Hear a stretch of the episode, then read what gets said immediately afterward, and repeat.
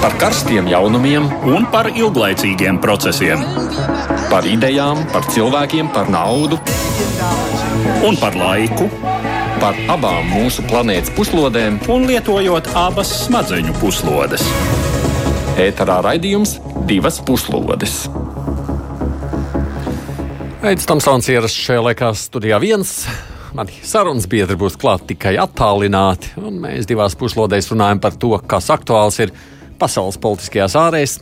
Šodien lielāku uzmanību pievērsīsim šādiem tematiem.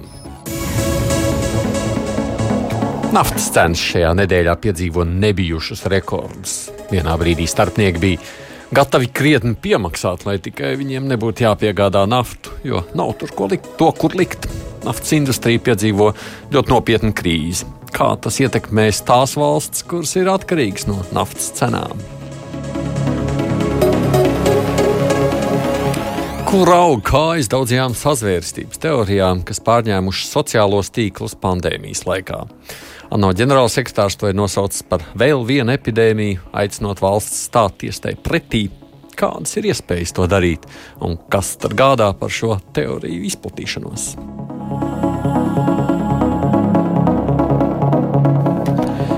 Raidījumā šodien būs vēl dažas īsās ziņas, tādēļ savus attālinātos raidījumu dalībniekus pieteikšu vēlāk.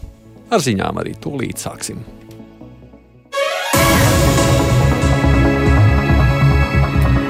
Ne tikai Latvijā nodokļu nemaksātājiem rodas grūtības pandēmijas laikā. Dānija, Polija ir atteikusies sniegt palīdzību tādiem uzņēmumiem, kas reģistrēti ārzonās. Nav zināms, vai tām nepievienosies vēl kāda Eiropas valsts. Dānijas finanšu ministrijas paziņojumā ir teikts, ka kompānijām, kas mēģina iegūt kompensāciju, ir jāmaksā nodokļi, kas uz tām attiecas pēc starptautiskiem līgumiem un nacionāliem noteikumiem. Bet Polijas premjerministrs paziņoja, ka lielajām kompānijām, kas grib saņemt daļu no glābšanas fonda, ir jāmaksā Polijas uzņēmumu ienākumu nodokļi. Izbeigsim nodokļu patvērumu, kas ir mūsdienu ekonomika posts, tā piebilst premjerministrs Moraveckis. Līdzīgā situācijā nonākuši piemēram arī lielie ASV kruīza operatori. Tie lielākoties ir reģistrēti Panamā, Liberijā, Bermudu salās. Viņi ir lūguši ASV valdībai tos glābt. Tomēr arī ASV ir paziņojis, ka glābšana attiecas tikai uz kompānijām, kas radītas vai organizētas Savienotajās valstīs. Pandēmijas raisītā krīze varētu palīdzēt likvidēt politisko krīzi Venecuēlā. Saskaņā ar virkni neoficiāliem ziņnešiem Venecuēlas prezidenta Nikolasa Maduro un opozīcijas līdera Juana Gvaido sabiedroties slepeni sākuši sarunas. Pandēmija radījusi vēl vienu milzu izaicinājumu valstī, kur jau tā piedzīvo hiperinflāciju un ekonomisko sabrukumu. Ana uzskata, ka pandēmijas draudi Venecijā ir sevišķi lieli, jo Venecijas slimnīcās trūks pat ziepju un ūdens, un visā valstī jūtams pirmās nepieciešamības preču trūkums, pieaug nabadzība, Valdošās sociālistiskās partijas rindās pastiprinājušās bažas, kas notiks, ja valdība tomēr kritīs. Sarunas, kurām nav skaidrs programmas, liecina, ka nedz Maduro, nedz Gvaido ir pārliecināts, ka viņi spēj uzvarēt globālās pandēmijas un arī ASV sankciju apstākļos.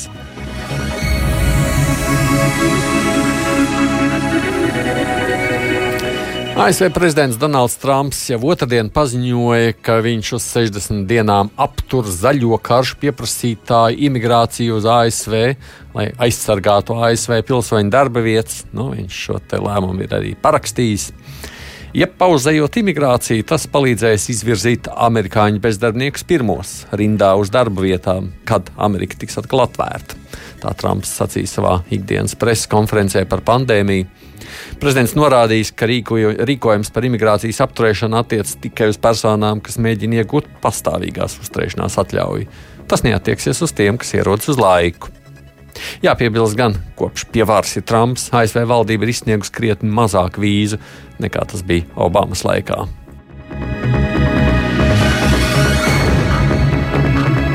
Pēdējās dienās intrigu radījusi ir Ziemeļkorejas līdera Kima Čenona nozušana. ASV mediji ziņo, ka viņam ir būtisks veselības problēmas. Šomēnes viņam veikta sirds operācija, pēc kuras viņš vēl nav atlabis. Tikmēr no paša Ziemeļkorejas nekādu ziņu nav. Dienvidkorejas prezidenta birojas nevarēja apstiprināt ASV mediju ziņoto un norādīja, ka nekas neliecina, ka Kimam radušās ir kādas nopietnas veselības problēmas. CNN savukārt atsaucies uz avotu izlūkdienestos. To, ka Ziemeļkorejas vadītājiem veikta kardiovaskulārās sistēmas procedūra, ziņojas arī Dienvidkorejas izdevums Daily NK. Pēc viņa ziņām operācija veikta Kima pārmērīgās smēķēšanas, aptaukošanās un pārstrādāšanās dēļ, piebilstot, ka pašreiz Kims saņem aprūpi villā Jansanas apgabalā. ASV prezidents Donalds Trumps norādījis, ka nezina, vai mediju ziņotais par Kimu ir patiesība, bet novēlēja Ziemeļkorejas līderim labu veselību, piebilstot, ka viņiem ir ļoti labas attiecības. Grūzijas bijušais prezidents Mihails Sakašvili varētu atkal atgūt ietekmi Ukrajinā. Viņš iespējams kļūs par Ukraiņas vicepremjeru reformu jautājumos. Tā trešdien jau vēstīja vairāk Ukraiņas mediju, un to medijiem apstiprinājis arī viņš pats. Jautājums vēl tiekot apspriests Ukraiņas prezidenta Volodimira Zelenska partijas parlamenta frakcijā. Bet par Sakašvili iecelšanu vicepremjera amatā parlaments varētu lemt jau piekdien. Tā ziņo laikraksts Ukraiņska Pravda. Pērn maijā Zelenskis atjaunoja Ukraiņas pilsonību Sākašvilī, kuram to iepriekšējais prezidents Petro Porošenko bija atņēmis. Sākašvili sākotnēji bija Porošenko sabiedrotais, un pēc viņa aicinājuma 2015. gadā uzņēmās Odesas apgabala gubernatora amatu. Taču pusotru gadu vēlāk viņš atkāpās no amata un kļuva par Porošenko oponentu, un pret viņa varu vērstās protestu kustības līderi. Bet nu, tagad par sākumā minētajiem tematiem plašāk, un sākam vispirms par naftas cenām. Pagājušajā nedēļā naftas eksportētāju valstu organizācijas valstu grupa vienojās par naftas ieguves apjomu samazināšanu par apmēram 10%, tā mēģinot bremzēt straujo jēlnaftas cenu lejupslīdi. Pašreizējo kritumu sākotnēji izraisīja cenu karš starp Krieviju un Saudarābiju, taču tā efektu daudzkārt pastiprināja ar pandēmiju saistīto ierobežojumu izraisītais pieprasījuma samazinājums pasaules tirgū.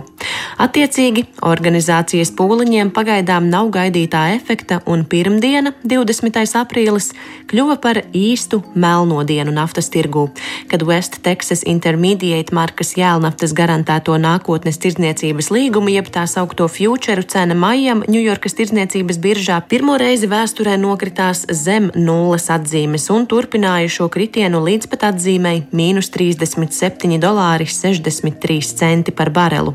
Dienas beigās cena gan atkal bija būtiski pakāpusies, taču vienalga palika dažus dolārus zem nulles atzīmes.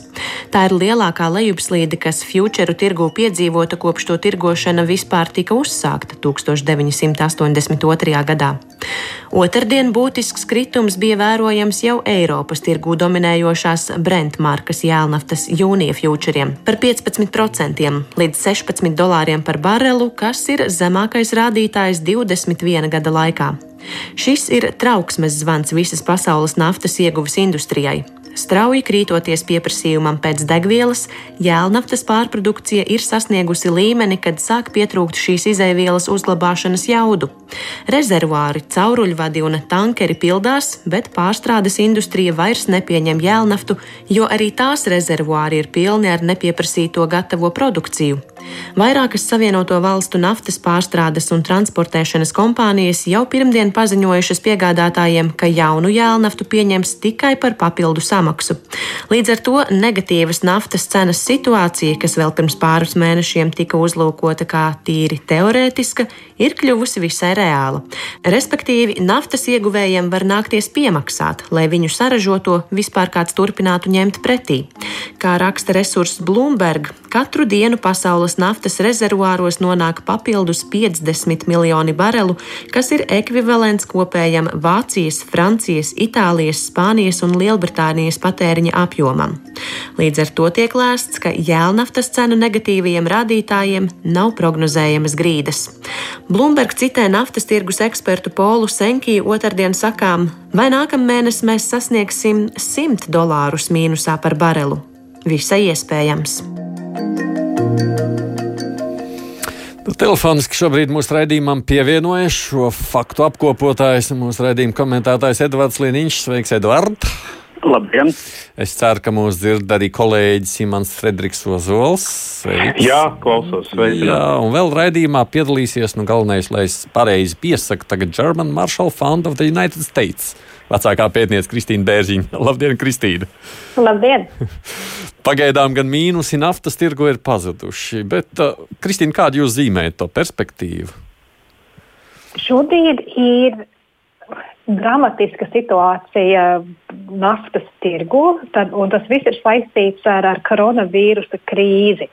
Ja ņem vērā, ka pasaulē šobrīd ir pat trešdaļa nokrities naftas pieprasījums sakarā ar šo krīzi, bet tas ir ņemot vērā to, ka OPEC valsts jau ir samazinājušas naftas ieguvi, tad tālākā perspektīva varētu liecināt par to, ka šī arī naftas krīze drīzumā nebūs atrisināta. Tāpēc, ka šobrīd mēs redzam, ka Amerikā pirmdien bija naftu ražo, naftai, naftu transportē, bet kur viņu tālāk novietot, kādi ir viņa glab uzglabāšanas uh, resursi, kādas tur ir iespējas, tas nav netiek atrisināts. Un, un, uh, tam arī, protams, ir globālas ekonomiskas sakas, un iespējams arī ģeopolitiskas sakas. Jā, nu par tām noteikti runāsim. Tajā pašā laikā šīs dienas, vismaz es no rīta, kad skatījos tās cenas, jau nu nav mīnusos, pašlaik tur ir ap. Uh, nu, 20 uh, dolāriem jā. apmēram. Nē, nu, tā Aidi, jā, Aidi, jā. Te ir jāsaprot tas, ka viena lieta ir šī future cena.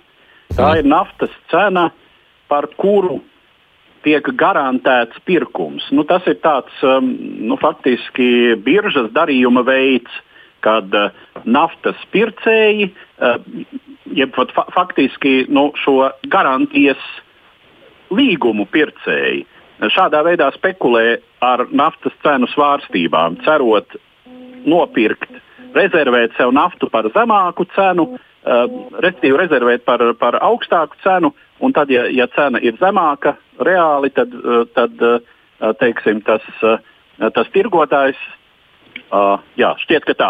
Tagad, nu, īsāk sakot, īsāk sakot tā, tad, tā nav gluži reālā naftas cena, šī brīža cena tirgū. Bet uh, tas, protams, atspoguļo to, uh, ka uh, naftas cenas pieprasījums nākamajiem mēnešiem, attiecīgi maijs un arī jūnijas, uh, tiek prognozēts kā salīdzinoši ļoti neliels.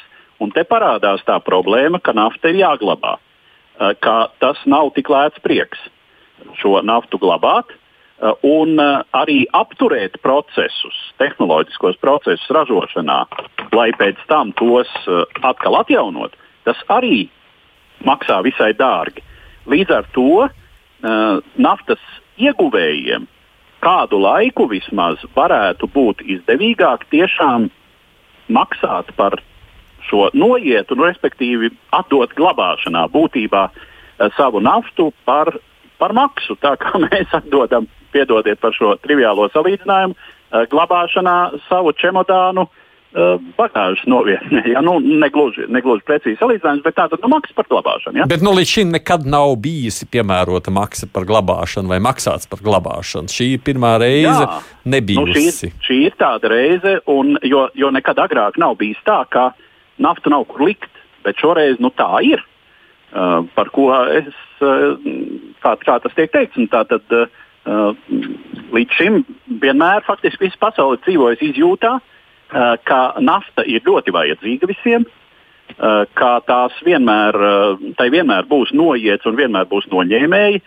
Un tas, kas tiek rakstīts šai situācijai īsti, ne naftas tirgus, ne pasaules ekonomika kopumā nav bijusi gatava un tas, kas ir to vēl multiplicējoša, palielinoša problēma, ir, ka tam nav bijuši gatavi arī investori.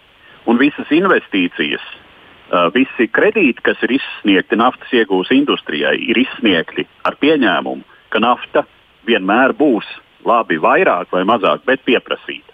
Un te jau ir šī nākamā apļa, nākamā teiksim, tā seismiskā viļņa briesmas, kad šī problēma vairs neatiecas tikai uz naftas ieguves kompānijām, bet attiecas jau uz investīciju fondiem un uh, kredīti institūcijām. Runājot savukārt par šo iespēju, kā to var kaut kādā formā risināt, nu, saka jau, ka to slānekļa naftas ražošanu vēl var apturēt diezgan ātri, un tad pēc tam vajadzības gadījumā atjaunot problemātiski esot ar to veco tradicionālo, it īpaši, ja tās izmaksas ir dārgākas, tad tas patiešām ir sarežģīti. Imant, ko tu saki par visu šo situāciju?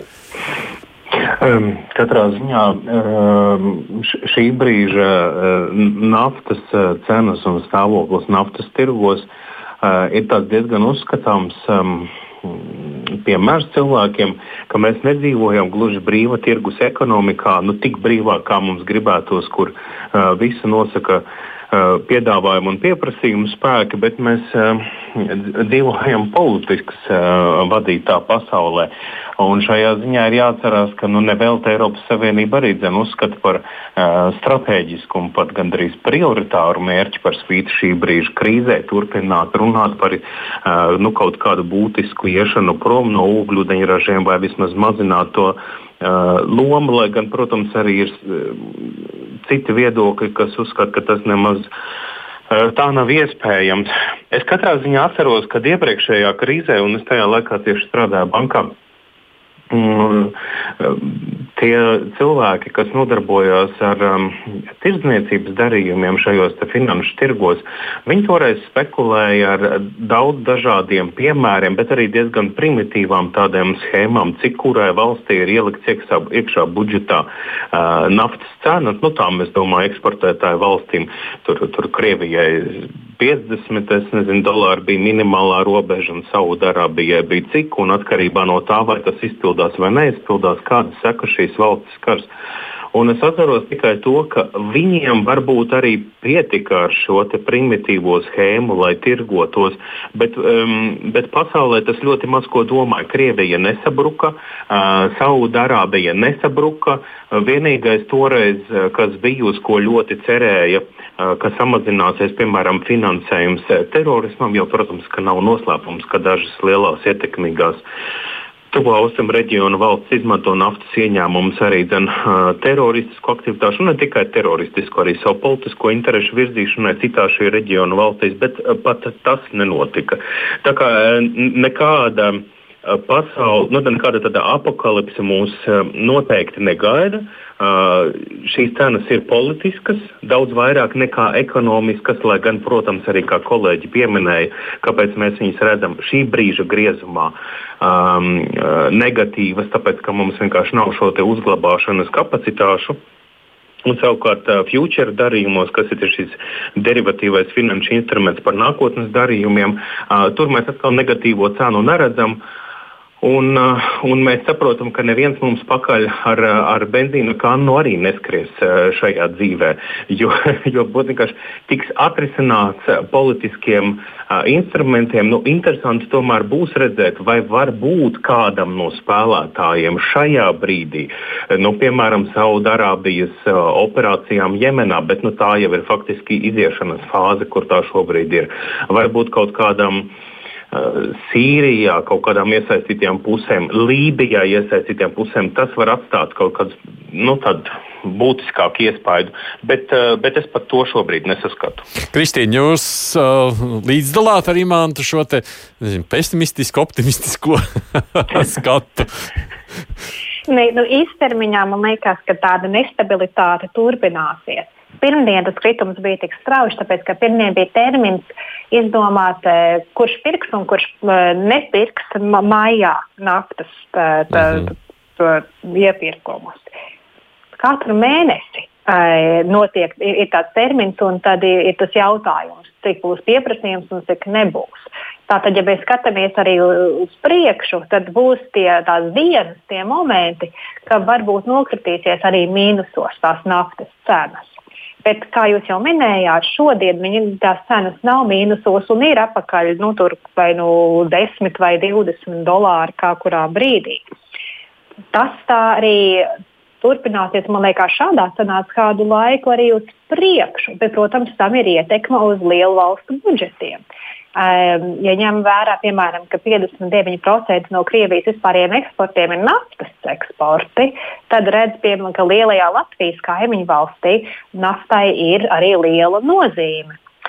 Krievijai ir nepieciešama cena ar 60 dolāriem par bareli, lai būtu nobalansēts budžets. Tātad zem pašreizējām cenām Krievijai ir jāņem tos taupījumus, kuri viņi ir saglabājuši no iepriekšējiem laikiem, kad cenas bija pavisam augstas, un, un šādā veidā sevi pastustēt. Ņemot mhm. vērā, ka ir bijuši arī daudzi traknie gadi, tādu krājumu ir. Un kādu laiku tas, piemēram, var turpināties.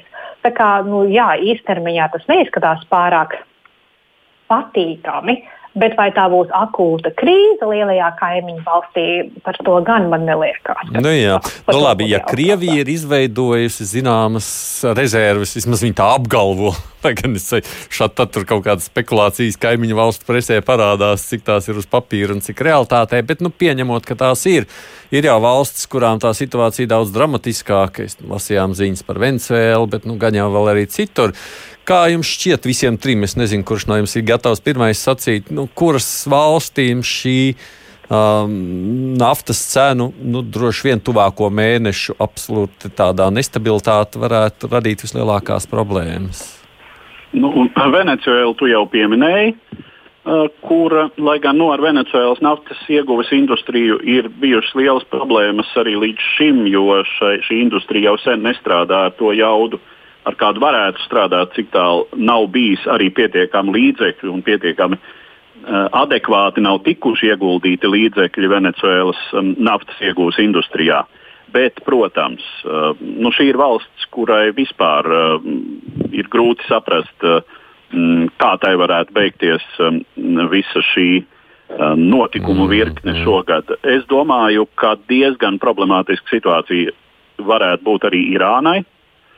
Uh, nu, par pārējām uh, šķiet tā, ja es pārskatu tās valstis, kuras, nu jā, droši vien arī Irākai. Uh, nu, tās ir valstis, kurām tiešām ir teiksim, maz kaut kādu, manā priekšstatā, maz kaut kādu nopietnu uzkrājumu. Jā, nu, arī, arī teiksim, Āfrikas valstis. Nu, Nigērija ir cits starpā visai atkarīga no naftas eksporta. Mm. Kādiem ko piebilst no pārējiem?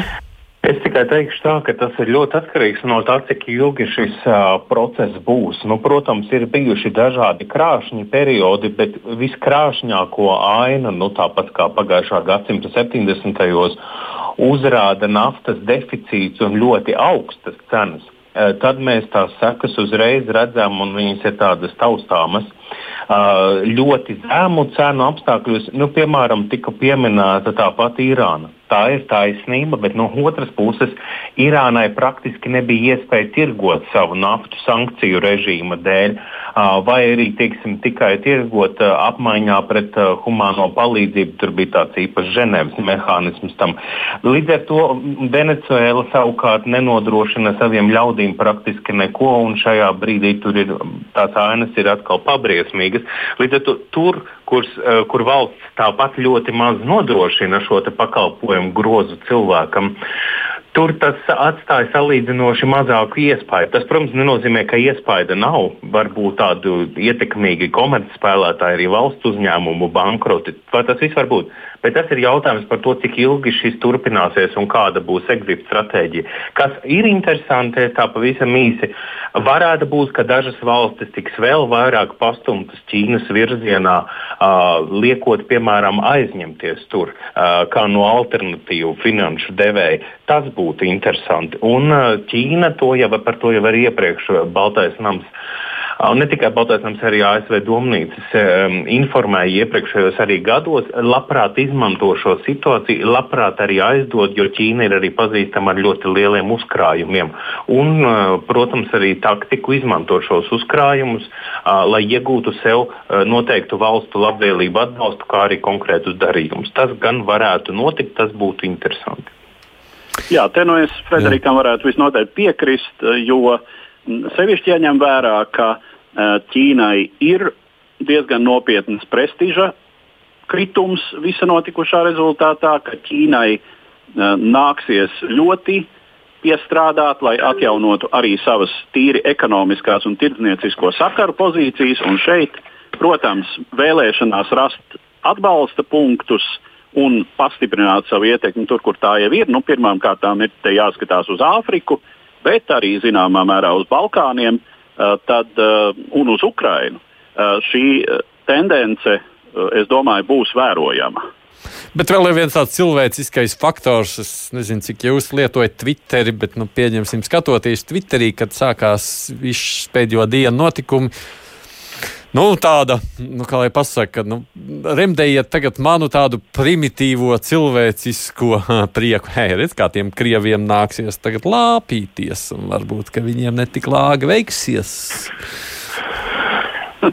nu, nu, kā, kā, kā, kā, kā mums būtu jāuz, jāuztur tiem nu, mēs neesam Latvijā. Mēs esam tikai, piedodiet, tie, kas notērē to naftu visticamāk automašīnās, lejot degvielu. Jā, bet jeb, jebkurā gadījumā, ja kaut kas cieš, tad pirmām kārtām cieš parastais cilvēks, un tikai otrām kārtām sāk ciest nu, kaut kādas elites. Par to noteikti ir jāatceras, un tas būs spēkā arī naftas cenu gadījumā. Tur, tur nekas cits īsti nav pasakāms. Um, izņemot to, ka e, es īsti nesaprotu, uh, vienalga kādas mums ir attiecības ar Krieviju, vienalga, ko mēs par viņiem domājam, es īsti nesaprotu, kā mums var palīdzēt tas, ka viņi uh, cieš no samazinātām naftas cenām. Ja nu kas notiek ar reģionālām lielvarām, it īpaši tādām, kuras ieņem noteiktu kaut kādu pozu pret rietumu pasauli, tad tikai tas, ka viņas kļūst grūtāk paredzamas. Un tā ir drīzāk slikta ziņa nekā laba ziņa. Mm. Vēl visbeidzot, jā, tas, jā, tam, tā, jā, jā, jā Kristīna. Jā, vēl no tā cilvēciskā viedokļa ir arī tas, kādā veidā investori un cilvēki uztver lielu valstu nespēju stabilizēt šobrīd naftas cenas un naftu tirgu. Ja? Viena lieta ir Twitterī, varbūt tur priecāties, ja? bet otra lieta ir, kādā veidā uzvedās investori un uh, vai šitās svārstības arī liecina par un, un liek investoriem aizdomāties par to, ka nav droša situācija globāli un ka lielvalstis nav šobrīd un arī tuvākā laikā nebūs spēj, spējīgas stabilizēt ekonomiku. Tā kā tādā ziņā arī tas, ko cilvēki domā, un arī tie cilvēki, kurš strādā kā investori, arī ļoti atsaucās to uz, uz ekonomikas tālāko stabilizēšanu un iespējamo izēju no šitās krīzes. Mm, vēl viens jautājums tikai pabeidzot šo tēmu. Ivars prasa, kā ar Norvēģiju, kā tas ietekmē šo valsti, kur mēs diezgan reti pieminam šādās sarunās? Jā, nu grūti teikt, eh, kā ir Norvēģijai ar eh, iegūtās naftas uzglabāšanu. Eh, citu teiksim, problēmu tur nevarētu būt. Norvēģijas naftas industrija ir pietiekami stabila, cik es arī zinu, joprojām ar diezgan ievērojumu valsts kapitāla līdzdalību. Nu, Norvēģijas nepieminēšana, manuprāt, šajā gadījumā ir Laba lieta, ja? es tikai no. divos vārdos. Jā. Man nav nekādas informācijas par skaitļiem, bet man ir no cilvēkiem, kas dzīvo Norvēģijā. Patiešām Norvēģiju skar un ļoti būtiski šie naftas cenu samazinājumi. Un jau eh, iepriekšējā tajā vilnī tas, kas notiek, eh, Norvēģija kļūst stipri taupīgāka publiskajos tēriņos. Finansiāli, protams, šī karaliste vēl ar vienu jūtas ārkārtīgi komfortabli, vismaz pagaidām, nu, ja nejutīsies, to mēs redzēsim, bet viņiem ir arī ļoti sazarota ekonomika, ļoti nu, diversificēta, tur nav problēmu. Bet patiešām uh, publiskajos tēriņos noteikti pabalsti, noteikti atbalsti, uh, kaut kāds tāds dāsnums, ko izjūtu līdz pat tam, ka mūsu cilvēki, vienalga vai akadēmiķi, kas, eh, kas teiksim, tur bija visādās apmaiņas programmās eh, iesaistīti, vai studenti, kas, eh, kas tur devās, vai arī dzen, pat vienkārši strādājošie, patiešām izjūt, ka šis dāsnums samazinās un ka pat arī paši Norvēģi jau nu, kaut kādās lietās, jā, tur negrib varbūt vairāk ārzemnieku un tā. Tādā, tas ir tīri sadzīvisks mm -hmm. tāds vērojums, kas man ir no cilvēkiem Norvēģijā. Nu, labi, paldies. Jā, Kristīna, vēl ko piebildīsiet? Vai? Jā, Jā sakiet. attiecībā arī uz Norvēģiju. Šeit ir runa par Ziemeļjūras naftas ieguvi. Mm, un naftas Brent. ieguve Ziemeļjūrā ir dārgāka un sarežģītāka, piemēram, nekā ASV laukos. Ja? Tāpēc tas varētu ietekmēt arī Norvēģiju tādā ziņā, ka būs grūtāk turpināt paplašināt un attīstīt Norvēģijas naftas industriju. Jo šitādā momentā ir nepieciešama resursi, lai tā augtu. Un vispār šī tāda izplatīta problēma ir arī Lielbritānijā un, un, un viņu arī Ziemeņjūras mm -hmm. naftas ieguvēji. Tā kā jāskatās uz to, ka varbūt šī tāda nestabila situācija var negatīvi ilgtermiņā ietekmēt Eiropas naftas ražotāju izaugsmi. Mm. Labi, paldies jums tik tālu komentāru par šo. Mēs turpinām tagad ar nākamo tematu. Tas arī ir saistīts ar lielo pandēmiju pasaulē.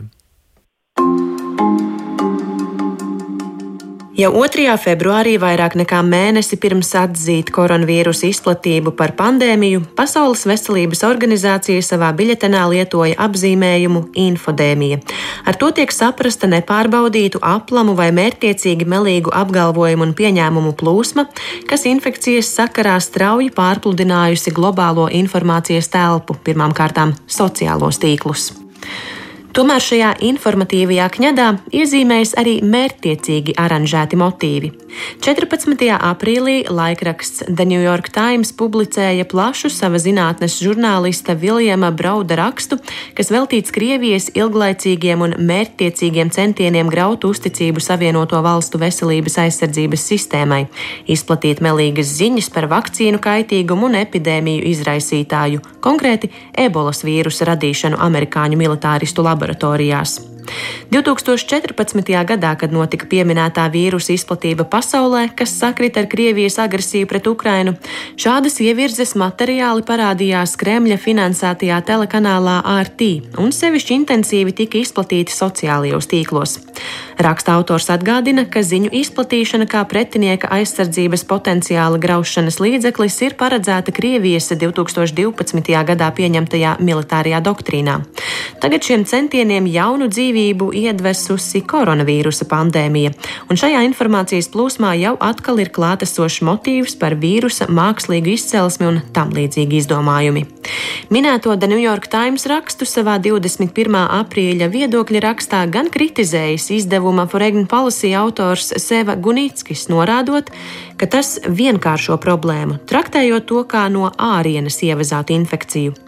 Kā norāda analītiķis, problēma ir krietni plašāka un saistīta ar rietumu demokrātiju adaptāciju jaunā laikmeta informācijas aprites apstākļiem. Demokrātiskās sistēmas savā būtībā ietver brīvu informācijas apriti, un tādējādi šī informatīvā vide, kas ir ļoti labvēlīga dezinformācijas izplatībai, vienlaicīgi ir arī neatņemams demokrātijas pastāvēšanas priekšnoteikums. Problēma, autorprāt, ir tā, ka arī demokrātija politiskās elites bieži vien grēko izplatāmās informācijas ziņā. Atcaucoties uz Oksfordas interneta institūta pētījumu, viņš min, ka 45 demokrātiskās valstīs politiķi pēdējā laikā izmantojuši sociālos tīklus negodīgi, veidojot sev neīstu sekotāju grupas vai izplatot manipulētu mediju informāciju, lai gūtu vēlētāju atbalstu. Spilgts piemērs šajā ziņā ir Savienoto valstu prezidenta Donalda Trumpa iepriekšējā priekšvēlēšanu kampaņa, un nekas neliecina, ka pašreizējā varētu būt citāda. Pie tam, kā šai sakarā raksta Gunitskis, dezinformācijas mērķis nav vispakļaut informācijas telpu, bet to izšķīdināt, respektīvi padarīt nepārskatāmu un grūti sistematizējamu, liedzot ikdienas uztvērējam iespēju spriest par informācijas drošticamību un viedokļu pamatotību. Autors citē bēdīgi slaveno bijušā Donalda Trumpa vecākā stratēģa Stīva Banona recepti, kā tikt galā ar presi. Apludiniet teritoriju ar kakām. Divas puslodes. Atgādījumā mums sarunā piedalās Imants Friedrichs Ozols, Kristīna Bērziņa un arī Edvards Liniņš. Kā jūs skaidrojat, kā šīs teorijas rodas un kļūst tik izplatītas? Nu, teorijas rodas tur, kur pirmkārt tām ir labvēlīga, auglīga vide. Un, uh, mēs saprotam, domāju, ka jebkura krīzes situācija, un es domāju, mēs to arī jūtam, lasot to, kas šobrīd parādās mūsu sociālajos tīklos, ka tāda neordināra situācija tā uzbudina uh, attiecīgi noskaņotos cilvēkos šo vēlmi nu, tā, kļūt par pasaules glābējiem, kļūt par uh, absolūtās patiesības paudējiem. Turpat nav jābūt kaut kādiem ļoti sautīgiem vai tālajošiem politiskiem motīviem, lai radītu, lai iekļautos šai, kā to sauc, informācijas troksnī. Tātad nāktu ar savu artaviņu, ar savu viedoklīti par to vai citu, teiksim, un savu receptīti, sākot ar to, ka es zinu to vienīgo uh, pļavas zālīti, kuru košļājot koronavīrus jums nebūs kaitīgs, nebūs bīstams, un beidzot ar to, ka Kariņa valdība un ne tikai un Pasaules veselības organizācija un Eiropas padomu un tā tālāk, un tā tālāk visu dara nepareizi. Un ja mani palaistu, tad es gan zinātu. Ja? nu, tā tad. Um, Tas, es domāju, nu, teiksim, tādam politikas vērotājam un arī uh, Eh, tiem, kas interesējas par kādām vēsturiskām un domā par kādām vēsturiskām konsekvencēm. Eh, nu, šis ir tāds laiks, kuru var salīdzināt ar līdzīgiem nestabilitātes periodiem eh, un saprast, cik tomēr daudz šīs viedokļu vibrācijas un tāda mm, informācijas trokšņa sabiezēšana, nu, cik tā šajos laikos arī ir iedarbīga. Eh, cik tā var noskaņot sabiedrību un likt sabiedrībai eh, varbūt sākt viļņoties tiešām vienā vai otrā virzienā. Mm -hmm, labi. Kristīne, es saprotu, jūs neesat Latvijā šobrīd. Kur mēs jūs esam sazvanījuši? Es, es strādāju un dzīvoju Briselē šobrīd. Nu, jūs varbūt redzat to lauku plašāk. Šī problēma ir tikpat aktuāla sajūtama arī, pieņemsim, strādājot Briselē, kad jūs redzat, kas virmo tajā sabiedrībā. Šo problēmu mēs te Briselē ļoti tuvu arī sekojam. Mana programma, mēs piestrādājam tieši pie šī jautājuma, kādā veidā var autoritārās valstis ietekmēt un vājināt demokrātiju, īpaši informācijas laukā. Un ko mēs esam redzējuši kopš koronavīrusa krīzes sākuma, ir to, ka ir tie, kuri vēlās izmantot šo krīzi uh, pašu savu nolūku un, un savu labuma veicināšanai. Ja skatās piemēram uz Krievijas un uz Ķīnas aktivitātēm, no Krievijas puses mēs esam pieraduši redzēt, ka attiecībā uz jebkuru krīzi vai starptautisku neskaidrību parādās daudzas teorijas par kādas piemēram, par, eh, par MH lidmašīnas eh, nogāšanu eh, Ukrajinā vai par Skripala indēšanas gadījumu Lielbritānijā. Krievijas mēdījos un, un arī Twitterī un, un globāli parādās neskaitāmi daudz teorijas, kas mēģina parādīt, radīt neskaidrību par to, vai vispār tāda patiesība varētu būt. Un tas tad, nu, vājina vispār tādu sabiedrības sapratni un uzticību gan mēdījos, gan, gan, gan patiesībā, gan kā tādā. No Ķīnas mēs agrāk neko tam līdzīgu īsti nebijām redzējuši.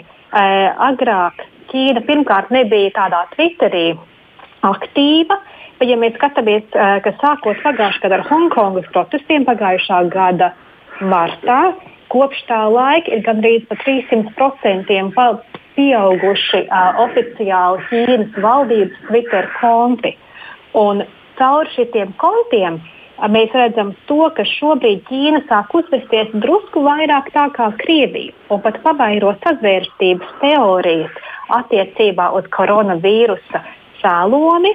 Un, uh, izmantojot uh, Twitteri un arī citus mēdījus, mēs redzam, ka gan Krievija, gan Ķīna mēģina novājināt e, Eiropas, jā, Eiropas jā. Savienību kā tādu un arī valstu un valdību e, atcelt to spēju uh, risināt pašreizējo situāciju. Un tas ir nopietni, tāpēc ka šī tāda veida dezinformācijas kampaņas un šī tāda veida informācijas manipulācija sagrauj sabiedrības uzticību demokrātijā un vispār mūsu sistēmā. Bet tas vienkārši ir ar, ar, interesanti no mūsu puses redzēt, kādā veidā attīstās, kādi jauni muskuļi attīstās. Piemēram, tādā lielvalstī kā Ķīnā, kura varbūt ietiekši tikai pozitīvi par sevi uh, kaut ko parādījusi starptautiskajā bēdīju telpā, bet tagad sāk uzvesties pavisam citādāk. Daļai arī, lai sevi aizstāvētu, ņemot vērā, ka šis vīrus ir cēlies tieši Ķīnā, bet tieši šito jautājumu īpaši um, viņi ir vai nu Ķīnas valsts finansētie mēdīji vai uh, Ķīnas ārlietu ministrijas uh, pārstāvji interneta vietnēs ir, ir tieši šito jautājumu iztirzājuši un vaicājuši, vai tik šitāds vīrus nav pirmkārt cēlies Itālijā vai Amerikas Savienotās valstīs. Mm. Uh, tas tiešām ir kaut kas jauns un neparedzams, un arī nu, kaut kas, kas ir piesaistīts pie lielās ģeopolitikas, ņemot vērā, ka šī nav tikai jautājums par, par uh, pilsoņu drošību, bet par uh, lielu valstu reputāciju un varu to tajā momentā. Imants, pirms es tev dodu vārdu, es savukārt gribu izmantot vēl vienu telefonu sarunu. Proti, mēs esam šobrīd sazvanījuši Rīgas Traģiņu universitātes profesori, komunikācijas jomas ekspertu Andu Rožkalni. Anda, halo! Labdien! Klau, mēs tikko dzirdējām, kā Kristīna stāsta par to, ka val valsts, nu, tā lielvaras iesaistās šajā te nu, nezinu, teoriju radīšanā, bet skatāties, kas notiek, pieņemsim, Latvijas sociālajos tīklos, mēs jau ļoti labprāt šīs idejas uztveram un nesam tālāk un popularizējam. Kāpēc? Jā, jā es, es gribu pievienot uh, tiem skaidrojumiem, kas jau izskanēja, vēl vairākus aspektus. Viens no tiem ir tāda tā tehnoloģiska arhitektūra, kas ir sociālajos medijos.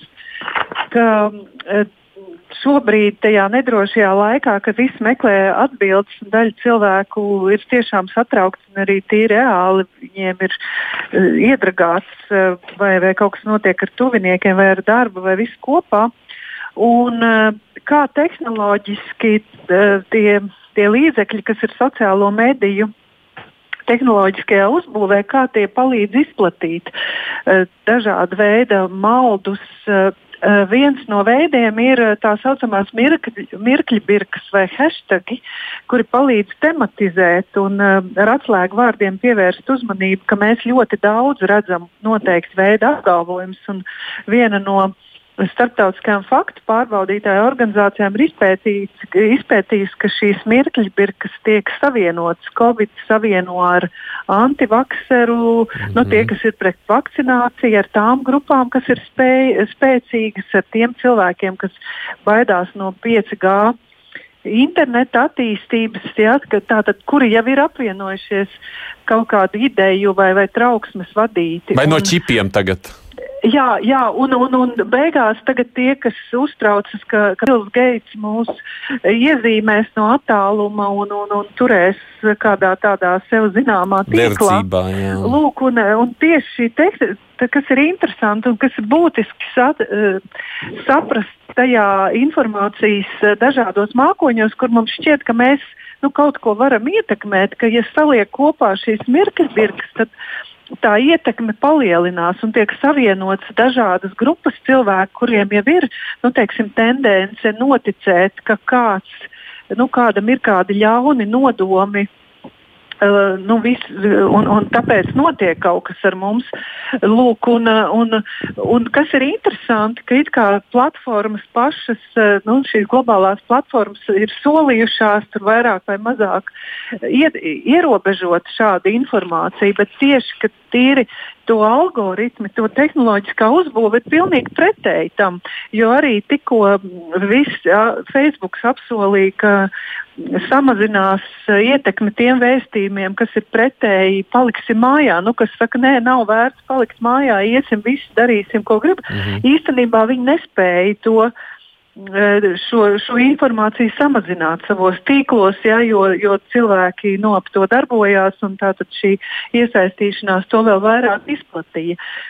Ko es ar to Jā, gribu no. pateikt? Ka, ka skaidrs, ka uh, tāda informācija izplatās, bet vienlaikus mēs redzam, ka, ka nu, cilvēki diezgan labi uh, jau ir iemācījušies tikt galā, uh, mums ir dati, ka trešdaļa vai, vai Eiropā ceturdaļa tic, ka uh, Covid vīrus ir, uh, ir, ir radīts laboratorijā, bet tomēr lielākā daļa cilvēku nu, ir spējīgi diezgan skaidru, skaidru galvu tomēr arī analizēt gan informācijas avotus, gan to saturu. Trešdaļa vai ceturdaļa tomēr ir daudz. Tas ir daudz, jā, tas ir daudz, bet nu, man jāsaka, ka ir, ir, ir gan faktu pārbaudītāji, gan arī ļoti labi, ka šī nu, dažāda veida dezinformācija kļūst par normālām mediju ziņām, ka par tām tiek kad par tām tiek runāts, jo ir, ir, ir naivi cerēt, ka viens indivīds Eh, kopā ar savām rūpēm un, un visu to neziņu, kā, kā mēs katrs atrodamies, ir spējīgs nu, vienmēr novērtēt katru jaunu kaut kādu ideju vai katru draudu vai pat krāpnieks, nu, kas ir bīstami mm -hmm. arī. Eh, tā kā jāsaka, ka ka ir nepieciešams, nu, lai ne tikai individuālā līmenī mēs domātu un racionāli spriestu, bet lai arī būtu šie aizsardzības mehānismi un atbalsts gan faktu pārbaudītājiem, gan, gan cita veida nu, ierobežojumi dezinformācijai. Citādi iznāks kā tā īru pasakā, kur, kur, kur nāca paisums uz māju un īru sieva izskrēja pretī ar slotu un domāja viņu aizsar, eh, aizslaucīt to paisumu prom. Nu, tik vienkārši tas tā nesenāk. nesenāk. Labi, paldies Anda Roškalna, kas ir Rīgas Traģina universitātes profesore. Eh, Imanta savukārt ANO ģenerālsekretārs ir sacījis, ka tomēr jāstājas pretī šai pandēmijai, kā viņš to sauc, infodēmijai. Tas ir izdarāms vispār tik vienkārši. Tur patiesībā ir ļoti daudz aspektu, mēs tos visus vairs nevaram pat pagūt uh, pieskarties. bet, um, uh, svarīgi ir ņemt vērā to, ka šobrīd mēs piedzīvojam tādas tektoniskas saucamās pārmaiņas pasaules politiskajā ainā, jeb uz globālās skatuves, kur attīstības centrs arvien vairāk pārvirzās uz austrumiem. Un līdz ar to dažādas, um, nu, dažādi pārmetumi austrumu valstīm uh, par jebkuru Eh, ar pamatu vai bez pamata, tie, tā būs mūsu eh, ikdiena. Eh, pierādīt vai, no, vai, vai apgāzt to nemaz nav tik vienkārši. Tas patiesībā ir ārkārtīgi sarežģīti pētījumi, kas nevar balstīties tikai tādos anekdotiskos pierādījumus, jeb, jeb gadījumu raksturu pierādījumos, kur ir viena vai otra publikācija, viens vai otrs ieraksts, un tad, un tad tam klāt pieliek kaut kādu doktrīnas dokumentu, ar to ir stipri par maz. Kas gan ir interesanti, ka mēs dezinformācijas stāstā vienmēr pamanām un izceļam Krieviju, kaut gan patiesībā īstenībā galvenā kritika patiešām ir vērsta pret Ķīnu. Um, un tas ir arī tādēļ, ka redzat, Krievija nemaz nevar atļauties būt galvenais ASV antagonists. Toties Ķīna var atļauties, un pati ASV lielā mērā Ķīnu vēl vairāk uz turienes spiež. Uh, Krievija savukārt sev redz ļoti komfortablā pozīcijā, kā Ķīnas labās rokas vietu. Tas nenozīmē, ka viņai šāda vieta ir piešķirta. Ķīna to visu redz citādāk, un Maskava to visu redz citādāk.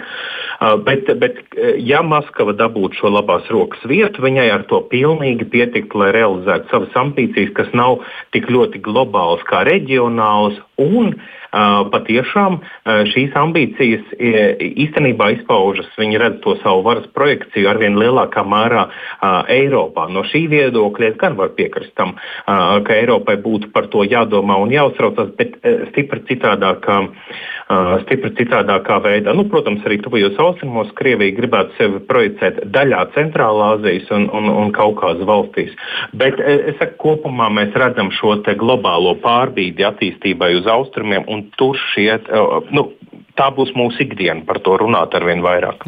Bet man šajā kontekstā jums vienalga kādam no trim ir vēl jautājums, vai mēs paši, es domāju, arī no rietumu valstīm tur nav iesaistījušies ar vien vairāk šādas situācijas nu, nezinu, nu, popularizēšanā, skatoties kaut vai ASV prezidenta Donalda Trumpa paziņojums, vai tikai tur tomēr ķīnieši nav kaut kādā veidā bijuši speciāli piestrādājuši pie šī te, un tur jau tiek pētīts Amerikas Savienoto Valstu uzdevumā. Nē, nē, nu, nu, nu. Tas, jau, redzi, tas jau arī tika pieminēts, ka, uh, protams, arī mūsu politiskās elites ļoti lielā mērā grēko šai ziņā.